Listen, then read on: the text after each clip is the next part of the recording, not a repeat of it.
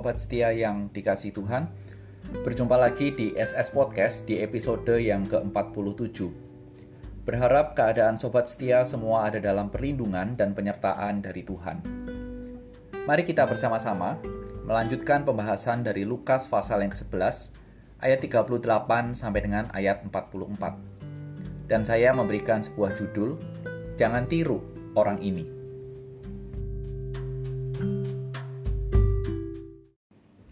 Ketika Yesus selesai mengajar, seorang Farisi mengundang dia untuk makan di rumahnya. Maka masuklah ia ke rumah itu, lalu duduk makan. Orang Farisi itu melihat hal itu dan dia heran, karena Yesus tidak mencuci tangannya sebelum makan. Tetapi Tuhan berkata kepadanya, "Kamu, orang-orang Farisi, hanya membersihkan bagian luar dari cawan dan pinggan, tetapi bagian dalammu penuh rampasan dan kejahatan. Hai orang-orang bodoh, Bukankah dia yang menjadikan bagian luar, dia juga yang menjadikan bagian dalam? Akan tetapi berikanlah isinya sebagai sedekah dan sesungguhnya semuanya akan menjadi bersih bagimu. Tetapi celakalah kamu, hai orang-orang Farisi, sebab kamu membayar persepuluhan dari selisih, inggu, dan segala jenis sayuran, tetapi kamu mengabaikan keadilan dan kasih Allah. Yang satu harus dilakukan dan yang lain juga jangan diabaikan.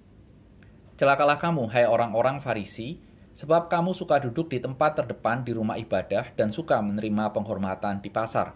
Celakalah kamu, sebab kamu sama seperti kubur yang tidak memakai tanda, orang-orang yang berjalan di atasnya tidak mengetahuinya.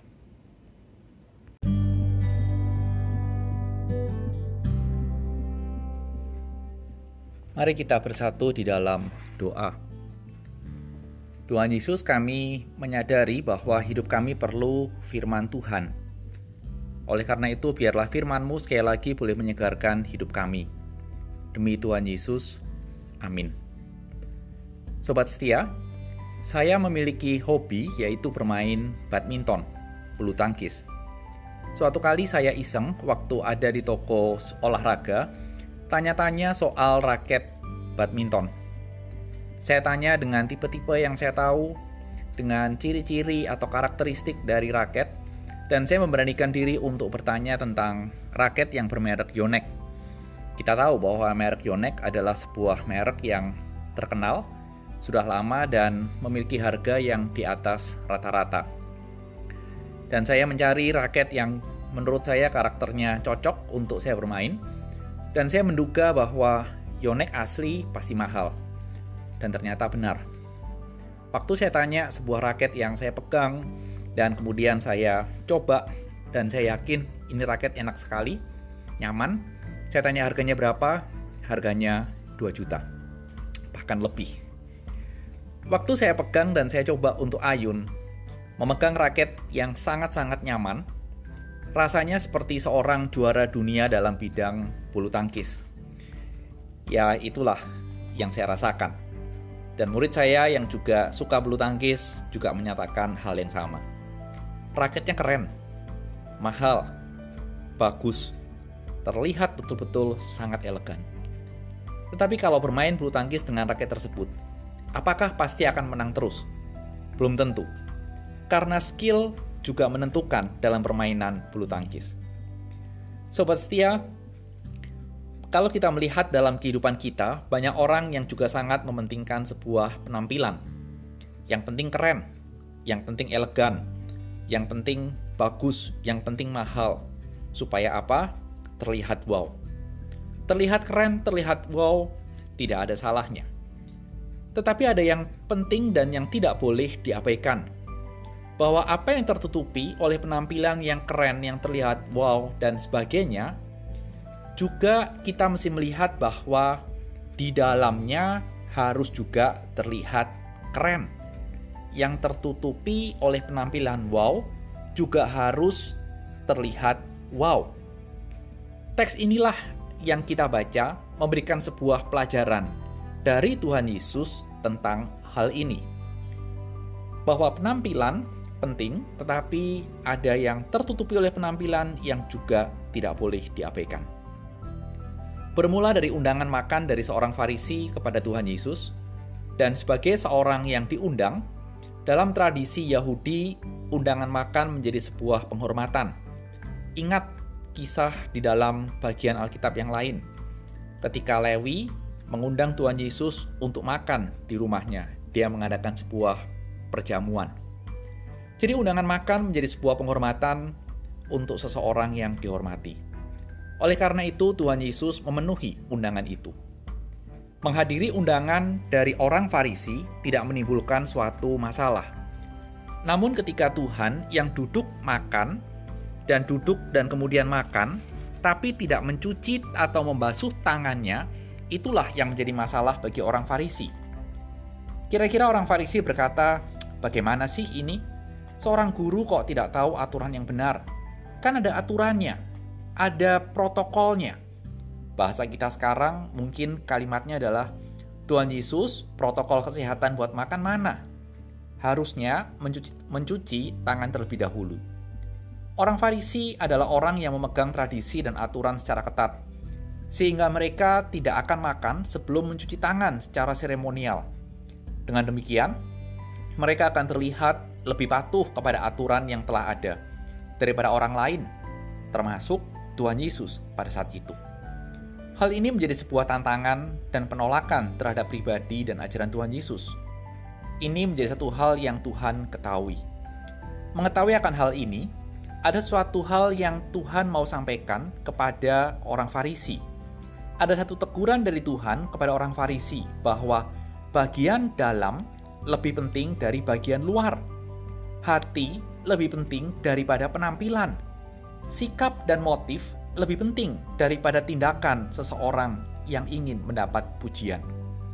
Itulah sebabnya Tuhan Yesus mengatakan dalam ayat 39 bahwa orang-orang Farisi ini memiliki penampilan yang terlihat baik, tetapi dalam hatinya penuh dengan rampasan dan kejahatan. Bahasanya yang lain adalah mereka serakah. Dan Matius 23 ayat 5 sampai dengan ayat yang ke-7 juga mencatat bahwa mereka melakukan seluruh aturan-aturan Taurat, hukum-hukum yang mereka pegang, supaya mereka dipuji, mereka dihormati. Bahasa anak sekarang dan bahasa saya adalah ini orang benar-benar gila hormat.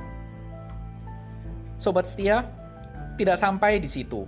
Ketika mereka memberikan perpuluhan, seperti yang diperintahkan dalam peraturan, mereka justru mengabaikan keadilan dan kasih.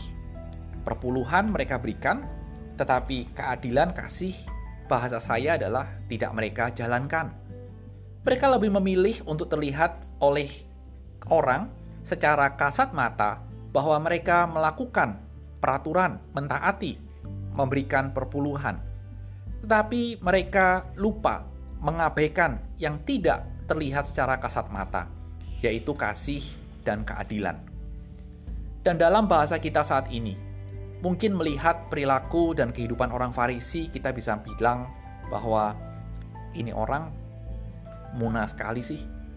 Hanya terlihat baik dan oke okay, dari luar, penampilannya oke, okay, tapi dalam hatinya sangat licik dan kotor. Padahal kalau kita melihat dan kita belajar dalam Alkitab, hati yang bersih akan memancarkan kehidupan yang bersih.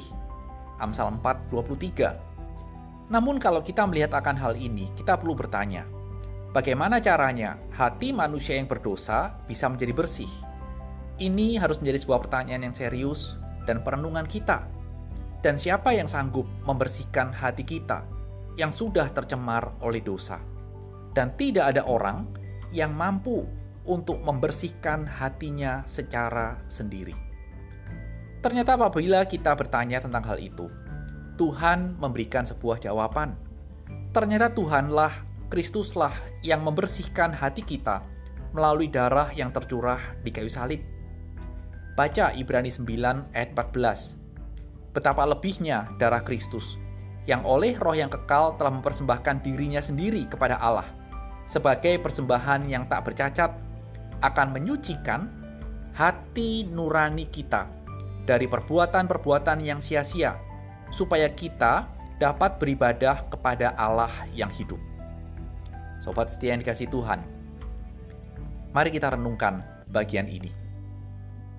Ketika kita merenungkan bagian ini, mari kita bertanya kepada diri kita sendiri. Apakah yang menjadi motivasi kita ketika kita saat ini melakukan perintah Tuhan?